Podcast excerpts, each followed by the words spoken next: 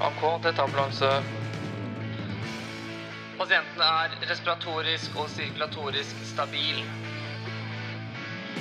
Vi kommer inn med én pasient. Du puster for fort!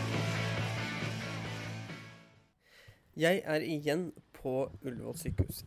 Se hva det er på Det er på Ullevål Kua. I forrige episode snakka vi med anestesilege Arne Skuldberg og paramedic Tore Skålegg om opioidoverdoser. Der har vi den, vet du. I dagens episode skal vi snakke om naloxonstudien, eller Nina 1-studien. Ja, så bra. Er dere klare? Ja. ja.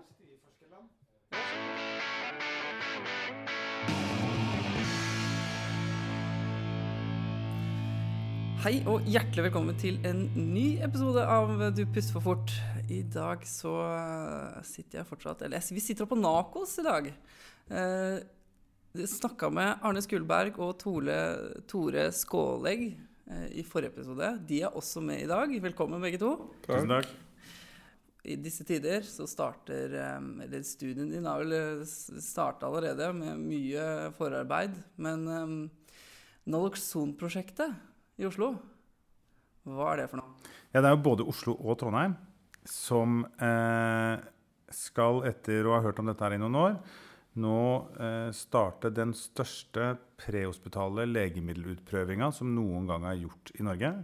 Og dette er en studie som er helt unik i verden, hvor ambulansearbeiderne som har fått trening i Oslo og Trondheim, i de neste to åra skal inkludere pasienter for å sammenligne Naloxon gitt som nesespray med Naloxon gitt som sprøyte. Mm. I, det er mange tjenester som bruker nesespray fra før òg. Hva er det som er forskjellen? Ja, det, er, det, er, det, er, ikke så mange tjenester som bruker, bruker, nesespray, men det er veldig mye Naloxon nesespray som deles ut til Eh, til rusbrukere, folk som jobber på eh, hjelpetiltak, til politi og brannvesenet har det i noen kommuner. Og det har jo pågått i noen år som et svar på den store overdoseepidemien vi har. Men fram til nå det siste halvåret så har det ikke vært noe produkt tilgjengelig på markedet i Europa som har hatt godkjenninger. Så det har bare vært en førstehjelpsspray. Den de deler ut, er jo en egentlig en intramuskulær løsning på 1 mg per milliliter som har fått et dusjhue. Og det er ingen som veit hvor mye Naloxon som går fra nesa til blodet med den. Eh, men den har, Vi veit at den er trygg, så den har kunnet brukes sånn, men den har ikke vært bra nok til at noen tjeneste kan ha brukt den. Jeg vet at noen tjenester har også hatt noen andre forsøk med svakere løsninger, men, men det er jo utrygt så lenge vi ikke kjenner farmakokinetikken, altså hvor mye Naloxon som faktisk kommer i blodet. Eh, og det studiet vi skal gjøre nå, er jo på en spray som NTNU har eh, framstilt, med 1,4 mg naloxon i nesa, som vi sammenligner med 0,8 mg naloxon i skulderen. Og vi skal finne ut at, at, ikke, at naloxon i nesa ikke er noe dårligere enn naloxon i skulderen. Eh, kan du fortelle litt om eh, forarbeidet her? Du har jo holdt på ganske lenge ja. allerede. Ja, eh, blant annet så vant du Forsker Grand Prix med, med det, det, her. Hvis du har lyst til å se det, så kan du gå inn på NRK fra 2014. 2014 der står du og forklarer litt. Ja, der forklarer vi studien. Det, Eh, studien er også tilgjengelig på NAKO, så det blir en Facebook-gruppe og en del sånne ting som kommer nå, som vi sikkert kan linke til. Men, eh, men dette har jo begynt med professor Olav Dahle på NTNU, som eh, fra tilbake i 2006 til 2009 har forska på flere medisiner i nesa. Eh, han er anestesilege og farmakolog. og, eh, og starta da et arbeid med naloxon som nesespray, som han og etter hvert eh, jeg og noen andre, med støtte da fra NTNU og Helse Midt-Norge, har eh, fått samarbeid med farmasøytisk industri og tatt hele veien. Eh, og vi som jobber prehospitalt, vi har ikke den luksusen som veldig mange andre som jobber med medisiner, har. At vi har medisiner som er forska fram for vårt område. Vi bruker ting som er forska fram på andre pasienter eller i andre situasjoner, som vi bruker ute. Um, og dette studiet er jo helt unikt med at ambulansearbeidere i Oslo og Trondheim nå skal være med og det, Vi har jo et ungt fag. Være med å, å, å utvikle tjenesten og de behandlingstilbudene vi gir unikt prehospitalt.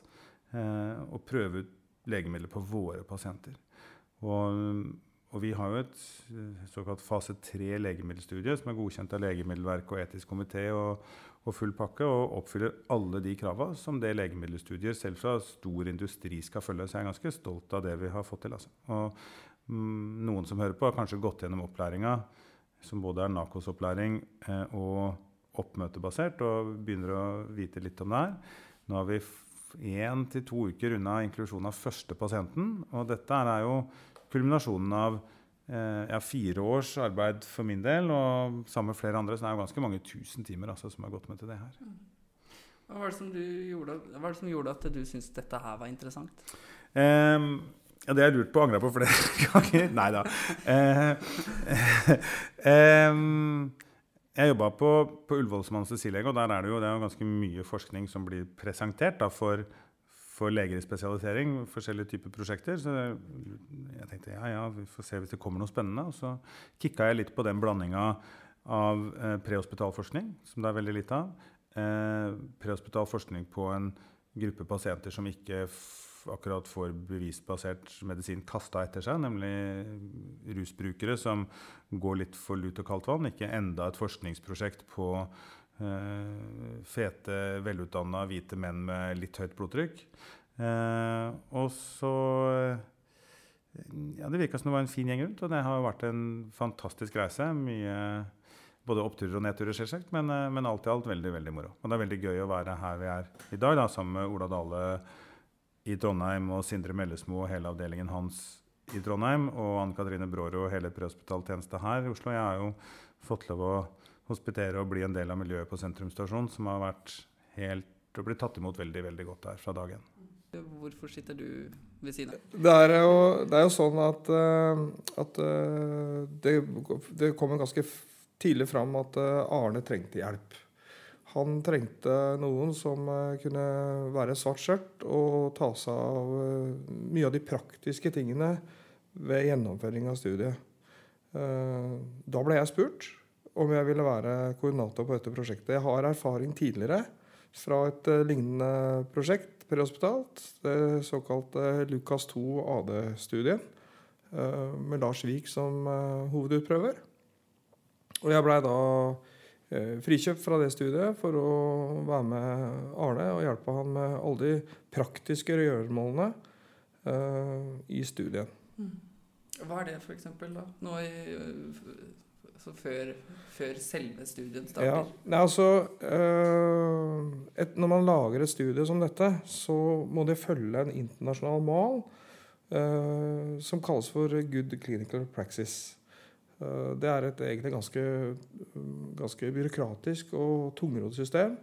Uh, Arne er det jeg vil kalle spesialist på dette. Han har virkelig lest alle disse permene fra, fra A til Å. Eh, min jobb har vært med da, eller gått ut på å i og for seg se hvordan vi kan innfri kravene til studiet på en praktisk måte. Sånn at uh, I forarbeidet nå så har jeg vært med uh, mye og samarbeida med Arne på å finne gode praktiske løsninger på de, de administrative kravene som stilles til en trygg gjennomføring av et sånt legemiddelstudie. Det dreier seg jo om alle de 100 000 praktiske bitene til hvordan skal studiemedisin ligge i bilen, hvem skal ha trening, hvordan skal vi dokumentere, hvor skal skjemaer altså, Ethvert et studie er avhengig av at god informasjon kommer hele runden. Helt fra legemiddelskapet til pasienten, eh, tilbake til databasen vår for å kunne bli putta inn i analysemaskinen. Det er klart Vi driver legemiddelstudie på en eh, do på Oslo S klokka fire om morgenen. Så det stilles jo ganske store krav egentlig til åssen vi gjør det. Så en av mine krevende oppgaver kommer til å være bl.a. å innhente informasjon. Uh, hente ut journaler uh, og uh, overføre informasjonen altså merge informasjon fra flere forskjellige file, si, praktiske filer, da, papirfiler, og til inn i en database, bl.a.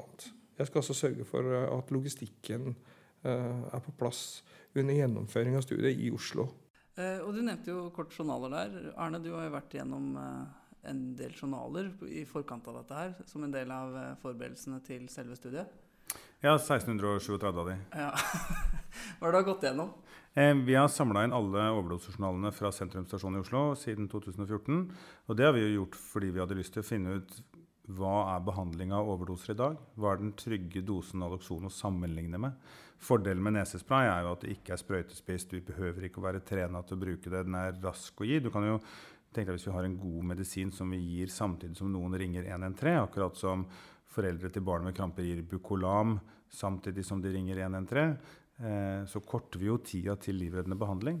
Eh, så vi måtte finne ut hva, hva er den gode behandlinga med Naloxon nå. Da har vi funnet ut at eh, i Oslo så våkner 88% av alle pasientene, av de, ja, det er 1054 av de vi studerte, de våkna av eh, 0,8 intramuskulært eller litt mindre. Og det betyr at vi har satt 0,8 som det vi sammenligner med. De som våkna av 0,4, vil jo også våkne av 0,8, og det er ikke en så høy dose at vi tror at vi gir mye unødvendig abstinens. Så det er måten vi finner ut at vår medisin, intranasal naloxon 1,4 mg, er like trygg som 0,8. Så jeg skal ikke finne ut at den er noe bedre. Det er noen studieområder, altså det er noen steder i Oslo Noen stasjoner, beklager, noen stasjoner i Oslo som, er, som skal være med på forskningsprosjektet. Og Trondheim. Og Trondheim, ja. ja.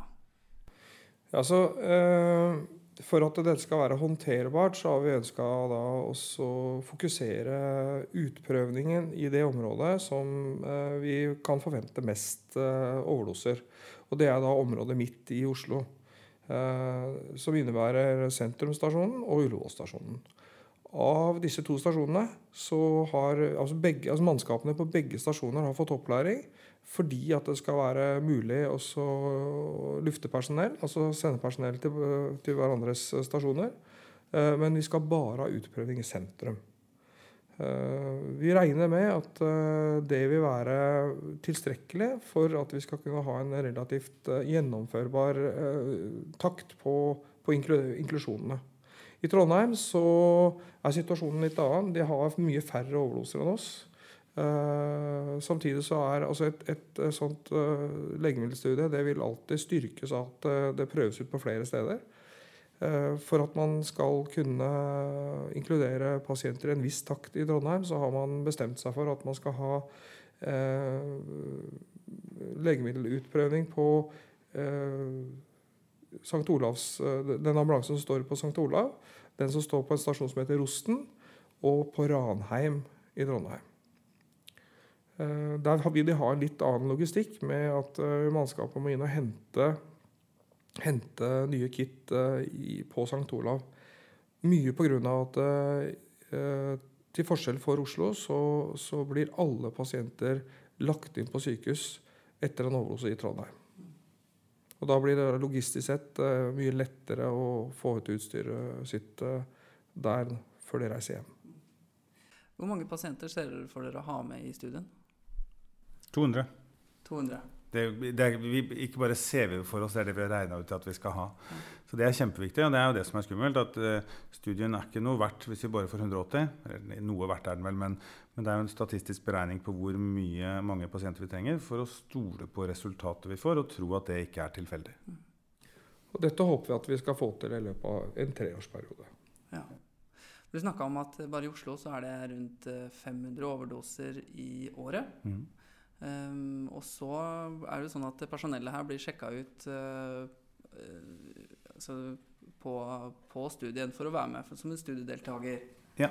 Studiearbeider. Ja, studiearbeider. studiearbeider. deltakerne får overdose. Vi prøver ikke å Ja, ok. det er kanskje sånn. Eh, og så er det litt vanskelig her med, sikkert med, med at deltakerne sier jo ikke ja til å være med på forskningsprosjekt, men det kan vi ta litt, litt etterpå. ja, Skal vi gå litt gjennom hva, hva må Hva skal til for å bli en studiedeltaker? Deltaker. En studiedeltaker eh, Ja, altså Som eh, vi nevnte i eh, den forrige, forrige podkasten, så består jo i og for seg et, et opioid overdosekompleks av tre komponenter. Det er at pasientene skal ha en redusert bevissthet, at han skal ha små pupiller og ha en redusert ventilasjon. Så eh, de, det vi er nødt til å gjøre når vi skal inkludere pasienter i et sånt studie, det er at vi må ha en del kriterier for inklusjon. Og så må vi ha en del kriterier for eksklusjon. Dvs. Si at noen pasienter vil kunne inkluderes, men må ekskluderes pga. andre årsaker. Så inklusjonskriteriene er ganske enkle. Det er disse tre komponentene vi snakker om. Og så har vi et fjerde aspekt. Det er at vi har en palpabel puls på håndleddet. Og grunnen til det, det er at hvis pasienten ikke har det, så må vi vurdere uh, muligheten for at pasienten har en hjertestans. De skal ikke inkluderes. Videre så uh, skal man da uh, ekskludere alle pasienter som som man uh, ikke har luftvei på, altså man ikke har en kontroll, en lettventilert pasient. Det er fordi at da skal jo selvfølgelig terapeutiske tiltak gå foran uh, forskningen. Uh, så trenger vi da en pasient som har en velfungerende nese, all den tid vi skal jo gi et preparat, eller vi skal gi en, en utprøvermedisin i nesa. Og da kan jeg jo som en, eh, som en digresjon eh, nevne det at eh, alle pasientene våre skal få én sprøyte i skulderen og en spray i nesa. Studiearbeideren vet ikke hvem av de to som har virkestoff. Og det gjør ikke vi heller. Og det er det som kalles en dobbelt blind, blindethet i et sånt studie. Vi ønsker heller ikke å ha med pasienter som har fått overdose av helsepersonell. F.eks. hvis du skulle vært litt uheldig med doseringen din på morfin, så ønsker ikke vi at, du skal inkludere den pasienten i vårt studie etterpå. Pasienter som er uh, innsatt i fengsel, har vi ikke lov til å inkludere. I hvert fall ikke sånn internasjonalt, så er det dårlig kutyme. Og det går på at pasienter med, som er innsatt i fengsel, har en, har en uh, mindre selvbestemmelse over livet sitt enn vanlige mennesker pasienter som har fått uh, nesespray f.eks., eller naloxon på annet vis før vår ankomst, de er uegna for å inkludere i dette studiet.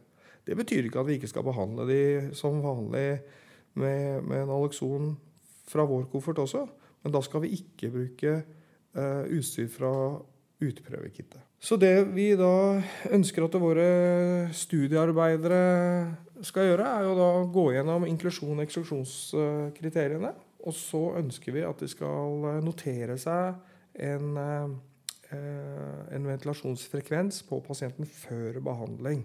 Så setter man da, eller gjør klar en eh, intramuskulær dose på 2 ml av 0,4 milligram hvis det er virkestoff i, den, i det hetteglasset. Deretter så setter man eh, nesesprayen, og så setter man eh, den intramuskulære injeksjonen kort tid etterpå. Eh, så raskt som mulig. Og så setter man på en stoppeklokke. Og det som vi sier, er at når pasienten puster over ti ganger i minuttet, ja, da har vi i og for seg de dataene vi trenger. Og da avsluttes eh, si, den forskningsmessige delen av behandlingen for pasienten. Dvs. Si at når pasienten har eh, puster over ti ganger i minuttet, så eh, ber vi dem om å stoppe klokka, og det er det klokkesettet vi er opptatt av. Den tiden det tok fra de fikk studiemedisin, enten via skulderen eller via nesa, og når respirasjonsfrekvensen blei adekvat. Eh, det kan også nevnes her at eh, på de parameterne vi er opptatt av, så skal respirasjonsfrekvensen være under 8 for inklusjon. Og jeg ser at du har et avkrysningsskjema her.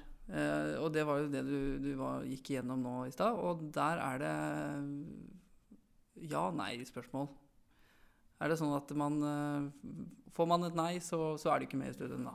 Ja, eh, pasient, altså det, pasientsikkerheten er i all forskning viktigst. Og i alt det vi gjør, selvsagt. Så, eh, så den lista med inklusjons- og eksklusjonskriterier er jo til for både å sikre sikkerheten til pasienten, f.eks. at vi ikke inkluderer folk med hjertestans som ikke skal ha nalokson, verken studiemedisin eller ellers. Eh, og så er det som forskningsmessig viktig at vi har så like pasienter som mulig. Både i Oslo og Trondheim så skal vi registrere de som får Naloxon og ikke blir inkludert, også, sånn at vi kan sammenligne studiepopulasjonen, altså de eh, pasientene som er inkludert i studien, med de som ikke har fått. Og det er jo for at vi skal kunne vise verden at våre 200 inkluderte pasienter de ligner litt på de som ikke har kommet med, og øker verdien. Hvis jeg sitter og skal være eh, leder for en paramedic service i Pittsburgh og lurer på hm, nasalnaloksjon, er det noe for oss? Ja, De har visst forska på det i Oslo og Trondheim. Ja, hvordan ser overdosene ut der? For Det er klart at det vi gjør i Oslo og Trondheim nå, det med, vil være med på, å styrke det, altså det prehospitale faget over hele verden. Um, så, så, de som skal med, skal man krysse av eh, ja på alle inklusjonskriteriene og nei på alle eksklusjonskriteriene. Og Det er en sånn liste som, som alle studiearbeiderne går gjennom, og det holder med én nei, så er du ute. Mm. Eh. Hvis du ikke fikk med deg alle, så kan du enten spole tilbake og høre podkasten på nytt. Eller så går det kanskje an å, å, å, vise dette fram. Er det greit, eller? Ja, ja. Og eh, alle som vil, det kan man jo vite. Den, eh, nå leste vi ikke opp alle heller, egentlig, men, men, det kan vi jo legge ut et bilde av. Mm. Eh, og det ligger jo også åpen åpne videoer både på Facebook og på nakos.no. Man kan bruke brukeren sin på Nakos og søke opp Naloksonstudien, så kan alle se på opplæringa der. Og Der går de gjennom eh, der altså, Det er en case der hvor du sitter og forteller litt, og så er det en case med der hvor de går gjennom en, en overdose med ja-nei-spørsmålene. Ja. Mm. Um, dette er jo pasienter som er eh, bevisstløse. Um, de skal være med i en studie. Hva med samtykke av pasientene ja, viktig, alvorlig spørsmål. Det er jo åpning i forskningsloven for å forske på bevisstløse pasienter. Det gjør vi jo f.eks. i hjertestans, eh, og inkluderer de i studiene. Det har jo vært flere eksempler på det. Eh, prehospitalt og også inne på sykehus i andre studier. Eh, vanligvis er jo kravet da at man etter at pasienten har blitt bevisst, spør om samtykke. Det forutsetter jo at man kan ta kontakt med pasienten i ettertid. Mange av de pasientene vi inkluderer, eh, bor ikke på sin folkeregistrerte adresse, har ikke telefonnummeret vi får tak i, og, og vi risikerer å miste dem. Eh, så eh, løsningen i vårt studie er todelt. For det første så er jo bevisstløshet et inklusjonskriterium. Så ingen kan få spørsmål etterpå om de har lyst til å få studiemedisin eller bli med i et studie, for de er jo allerede inkludert. Men de kan få spørsmål om de har lyst til eller om de får lov til å bruke opplysningene vi har samla videre. Eller om de vil trekke seg fra databasen. Eh, det er jo viktig å stille spørsmål som har en konsekvens. Akkurat som vi ikke spør noen som skal tvangsinnlegges, hei, vil du tvangsinnlegges? Svaret har jo ikke noe å si. Så kan vi ikke spørre våre pasienter hei, vil du bli med i et legemiddelstudie du ble med i for ti minutter siden. Det er et tullespørsmål. Men spørsmålet hei, vil du, får vi lov å bruke opplysningene om deg? Det er et reelt spørsmål. Og det gjør vi ved at de pasientene som våkner, er samtykkekompetente og samarbeidsvillige. De får muntlig informasjon og muligheten til å gi muntlig samtykke på det spørsmålet om vi kan bruke data. De pasientene som enten ikke våkner i tid ambulansen er med i, ikke er samtykkekompetente pga. vedvarende rus eller uro eller andre ting, eller ikke er samarbeidsvillige, de får skriftlig informasjon og muligheten til å trekke seg seinere. Eh, der kommer jo det med brukermedvirkning inn også. at eh, Både i Oslo og Trondheim så eh, kommer vi til å jobbe mye med rusmiljøene, sånn at de veit at studien pågår. Eh, for som alle som har vært med å, å vekke en aloksonoverdose, det tar litt tid, og det er jo varierende samarbeid av pasientene. Jeg må si at eh, hvis man er litt flink, gir folk tid, eh, gir dem litt space og litt omsorg og skaper tillit, så er det veldig veldig få ikke, av de som våkner, man ikke klarer å få til å samarbeide. Men eh, det er klart at eh, den atferden vi viser da, det er jo viktig både i studiesammenhengen nå, men også for oppfølginga videre. Det å ikke være brå og gi folk tid og alt det der. Men så, så I vår studie så er det muntlig samtykke for våkne pasienter og muligheten til å trekke seg for ikke-våkne pasienter, som, som, er løsningen vi har fått godkjent i den etiske komiteen. For at vi da skal sikre oss uh, at dette blir gjort på en forsvarlig måte, så vil det i kittet ligge en uh, informasjonsbrosjyre som pasienten skal motta uavhengig om han er bevisst eller bevisstløs. I tillegg så ligger det også et lite visittkort hvor, hvor det står hvordan han, ta, han eller hun kan eh, komme i kontakt med, med studieteamet for eksklusjon. De pasientene som eh, samtykker til å, og som er våkne da, og samtykker til å være med i studien, de kan på et, på et eh, eller på, Uansett hvilket tidspunkt kan de gå inn og ombestemme seg og trekke seg. Så Derfor er det også viktig at også de pasientene som er bevisste, mottar denne skriftlige informasjonen. Slik at når de har tenkt seg litt om, at eh, de kanskje ikke er komfortable med å være med på dette her, at de har muligheten til å trekke seg. Nå, det vil jo være individuelt å bestemme det, men, men erfaringa vår med brukermiljøet hittil er jo at dette er noe de syns er litt stas. Eh, vi veit at mange, mange pasientgrupper bruker mye energi på å få lov å bli forska på.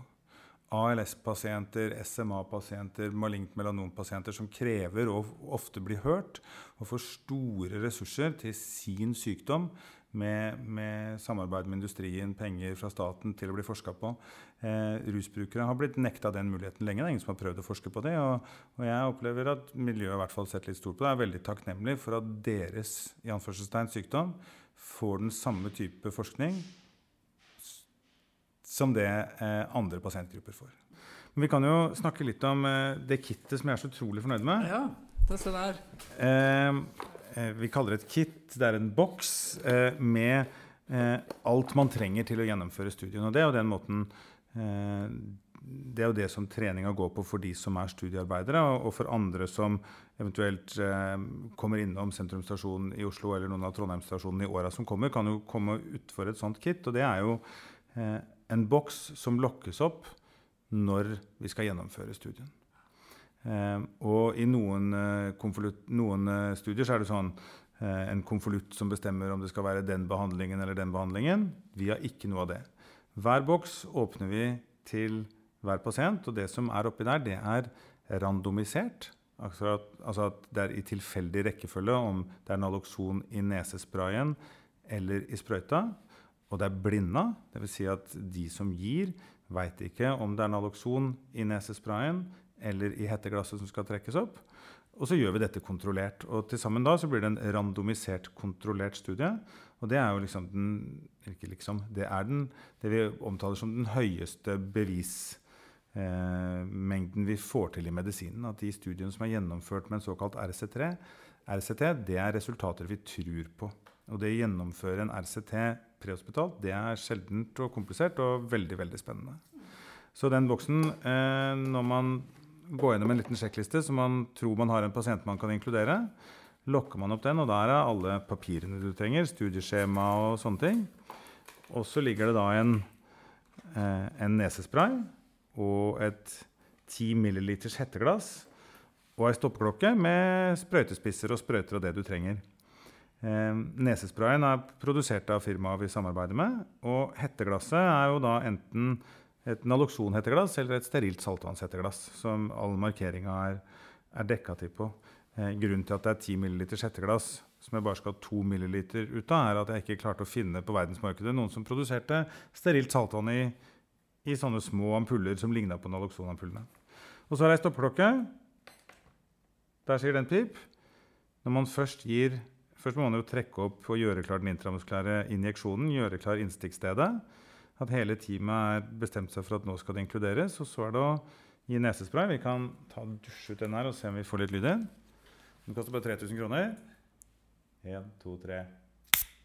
Det var lyd i den. Var lyd i den. Vær så god. Nå puster jeg inn det som da enten er Naloxon eller, eh, eller placebo. Eh, Veit ikke. Eh, den gis. Og da må man jo allerede ha trukket klart og gjort sånn sprøyta. Og så er det da på med klokka. Og det studiearbeideren skal gjøre, da, er å fortsette ventilasjonen. Dette skal jo selvsagt ikke starte før man har A- og B-kontroll. Ventilere og observere. Og behandling av overdoser er jo ventilasjon, nalokson og oppfølging. Det eneste vi egentlig forandrer i studien, er jo måten vi gir nalokson på. Nå gir vi det enten i skulderen eller i nesa. Og tida mellom den første og den eventuelt andre dosen. Eh, vanlig titrering er jo at man skal vente to til tre minutter. står det vel i De fleste retningslinjene. De fleste venter vel mellom 30 og 40 sekunder. tenker jeg. Eh, her skal vi ha is i magen, fortsette å ventilere og vente i opptil ti minutter. Eh, for målet er å se hvor mange pasienter som våkner og får ikke nødvendigvis våkner, men hvor mange pasienter får egen respirasjon i løpet av ti minutter, og sammenligne det med de to gruppene.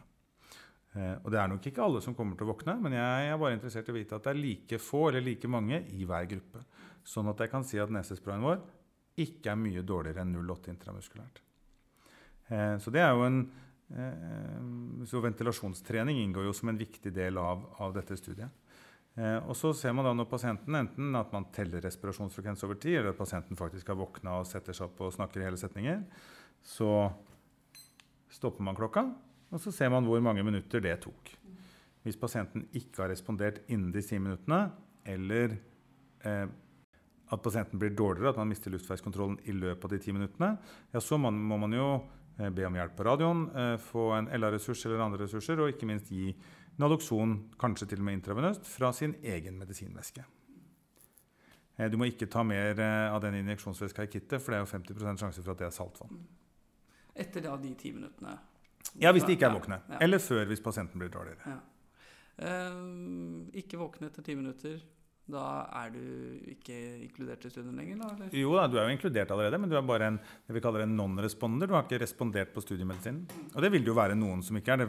Alle har vel gitt Naloxon til en pasient, som var det ikke op- opioidoverdose likevel. Så, eller at det ikke var nok i første dosen. Så, så noen vil det være. Og så lenge det er like mange som ikke våkner i hver gruppe Forhåpentligvis så våkner jo de aller fleste, men, eh, men noen vil det nok være. Og det viktigste er at sånn forskningsmessig er at den andelen ikke er noe større i nesespraygruppa enn i sprøytegruppa. Så er det selvfølgelig mange som da er uh, bekymra for hvordan skal vi skille holdt jeg på å si snørr og barter. Altså, Hvem er det som bare har tatt eh, opioider, og hvem har tatt et blandingsintox? Kan det være et GHB-intox osv.? Eh, det er jo mange, er mange situasjoner ambulansearbeideren eller studiearbeideren vil komme i. og eh, Spørsmålet ditt er jo relevant om de skal eh, ekskluderes, de over ti minutter. Det er jo helt tvert imot. altså De er svært interessante. da. Eh, det er viktig sånn statistisk sett at det, er, at det er omtrent like mye mange i hver gruppe. Og så vil vi jo da kunne se litt nærmere på hva som kan være bakteppet for at de ikke responderte. Men det vi er opptatt av, det er å vise at nesesprayen ikke er dårligere enn den intra, øh, intramuskulære øh, injeksjonen. Det vil jo da frigjøre massekapasitet for ambulansearbeideren, og det vil være mulig å kunne gi en bedre kontrollert kameratredning enn det man kan tilby disse pasientene i dag. Det er målet for studien. Vi prøver å være så åpne vi kan, så www.naloxon.no er jo liksom hovedstudiesida, som er den som studiedeltakerne får. Der står liksom den sentrale studieinformasjonen, og der kan de trekke seg via den sida. Eh, ellers oppfordrer jeg alle Veldig mange av dere som hører på her, har jo Nakos-brukere. Og der ligger det ganske mye informasjon. Hvis dere går inn på Nakos og søker opp Naloxon-studien, så kan dere se både videoer både på de store studietinga Tore, som vi er veldig stolte av, som vi har laget sammen med Ambulansen i Midt-Norge. Og eh, Truls og gjengen oppi der, som har vært kjempeflinke. og eh, Dere skal slippe å gå inn på instruksjonsvideo om legemiddelregnskap hvis ikke dere er veldig interessert. Jeg har vært gjennom kurser der sjøl, og det er, det er veldig bra. Jeg har lært ganske mye av det.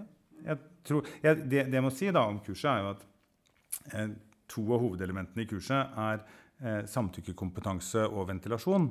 Eh, og jeg har jo fortsatt til gode å være på et ambulanseoppdrag hvor jeg ikke trenger å kunne noe om ventilasjon eller samtykkekompetanse. Så jeg tror alle har noe å lære. Og det er jo noe av grunnen til at tjenesten både i Oslo og Trondheim har gjort så mye ressurser da, til opplæringa her, at de ser at det er masse spin-off-effekter.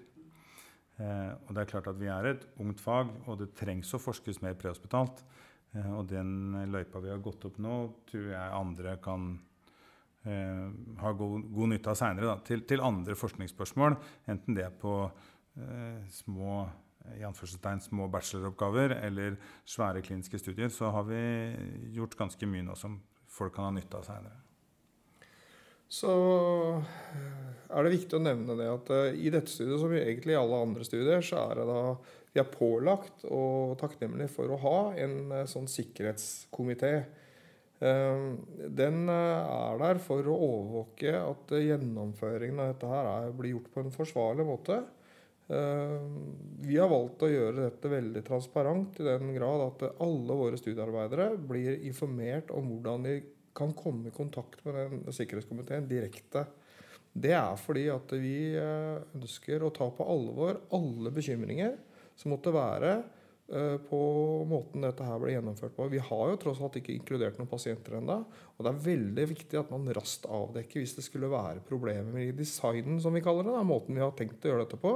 eh, hvis det er noe som går utover pasientene. I tillegg så kommer vi til å bruke eh, avvikssystemene veldig aktivt eh, på sykehusene. Eh, Akilles og EQS. EQS i Trondheim. Eh, slik at, vi, at, at sikkerheten til pasientene og komfortabiliteten til studiearbeiderne er satt i absolutt høyeste eh, sete. Det blir veldig veldig spennende å ta en ny podkast om det her om eh, et halvt år. For å se at nå er studiet, og da kanskje også få snakka med noen av de ambulansearbeiderne. Én ting er å snakke med Tore og meg, som sitter i det her til godt over knærne, liksom. Men, men den opplevelsen eh, av å være ambulansearbeider i Oslo eller Trondheim, og så plutselig studiearbeider i et eh, fase 3 klinisk legemiddelstudie, det er egentlig ganske heftige greier. Eh, og jeg tror at det blir, eh, kommer til å være masse erfaring i de to tjenestene som vi bør bruke i åra som kommer til andre ting. Og jeg gleder meg til å høre hvordan eh, studien går. Og da, da kan ta kontakt igjen om et halvt år og så høre hvordan det går som studie. Og kanskje til og med du plutselig får holde på i tre år. Det håper jeg da virkelig. Ja, at det er folk som gidder å høre på dette her. Jeg håper vi er ferdig før tre år, så Ja. Du snakka om tre år i stad, gjorde du ikke det? jo, det er det som er i og for seg den primære tidsaksen vi har Ja. å operere på. Ja. Du, eh, jeg tenker vi runder av nå. Arne, jeg spurte Tore i forrige podkast hva, um, hva som gjør en ambulansearbeider god. Du jobber som lege på, på NNI bl.a. Ja. Um, hva gjør en ambulansearbeider god i dine øyne når du er eh, doktor ute? Når jeg er doktor ute Um, Jeg tror det, det som alle helsearbeidere, helt uavhengig om man er ute eller inne eller eh, lærling igjen eller overlege på anestesi, så er det jo det her med ydmykhet i møte med pasientene. eh, og ydmykhet i møte med sin egen kunnskap, sånn at man eh, har respekt for pasientene og respekt for det man kan eller ikke kan, og ber om hjelp fort nok. Det er jo helt uavhengig av alt det. Eh, det jeg opplever som lege som kommer ut, er jo eh, hvor mye bra behandling som er gjort. Men den store forskjellen, eller noe av det som kan være med på å gjøre en stor forskjell Vi kommer jo til team som allerede er godt inne i behandlinga, og som ofte har kommet til et problem eller et eller annet. Og det å kunne gi en god rapport, hvordan det er en kjempehjelp til enten man kommer som bil nummer to, enten det er en legebil eller en helikopter eller eh, en vanlig bil. Det å, å, å få folk til, som kommer til, til å komme dit du er mentalt, med å gi dem situasjonsforståelse. Det å si at nå er vi her. Det var sånn. Vi kom, eh, pasienten var bevisstløs, vi fikk ikke luft. Det får vi fortsatt ikke. Eller vi kom, da var han våken og fin, og så falt han om. Altså, hva en historie måtte være. Men det å øve seg på å fortelle historien, sånn at alle som kommer til, er, eh, synger litt fra samme notearket, det er en, en kunst som man eh, aldri får trent nok på. Mm. Gi et godt uh, situasjonsbilde, rett og slett. Ja. Eh, og det gjør man ved å fortelle en historie. Og det må fortelle den historien som har vært der, og, og klare å kort og konsist å formidle det. Og det er en kjempekunst. Og det er ingenting som gleder meg mer enn når jeg enten på radioen eller når jeg kommer inn i et rom, at et eller annet menneske bruker ti sekunder av livet sitt på å se meg i øya og si at hei, dette er historien. Og da kan man si takk, og så begynner vi at, Så blir det ikke liksom at vi drar i hver vår ende. Veldig bra. Hjertelig takk for at dere tok dere tid til å være med på denne podkasten. Det har vært med i to podkaster. Hvis du ikke har hørt den andre, så må du høre den nå. Det handler om eh, opiatoverdose. Opioid. Opioidoverdose. Op- Opioidoverdose var det vi ble enige om. Ja. Um, Arne Skulberg og Tore Skålegg, hjertelig takk for at uh, dere ville komme. Takk for oss. Tusen takk for at vi fikk lov til å komme. Så gleder jeg meg til eh, fortsettelsen av studien, og håper vi kan ha litt kontakt. Ja. Du puster for fort tar nå en liten sommerpause. Men følg fortsatt med. Det kan hende at det kommer noen godbiter i løpet av sommeren. Tusen takk til alle dere som har hørt på. Og en spesiell takk vil jeg rette til de som har vært gjester, og ikke minst Ambulanseforum, som har vært med og promotert podkasten og gitt gode og konkrete tilbakemeldinger. Hvis du har tips til gjester, eller du ønsker å være med å sponse podkasten, send meg en melding på Facebook eller kontakt meg på mail. Du puster for fort, krøllalfa, outlook.com. Ha en riktig god sommer. Hashtag du puster for fort. This is how I feel.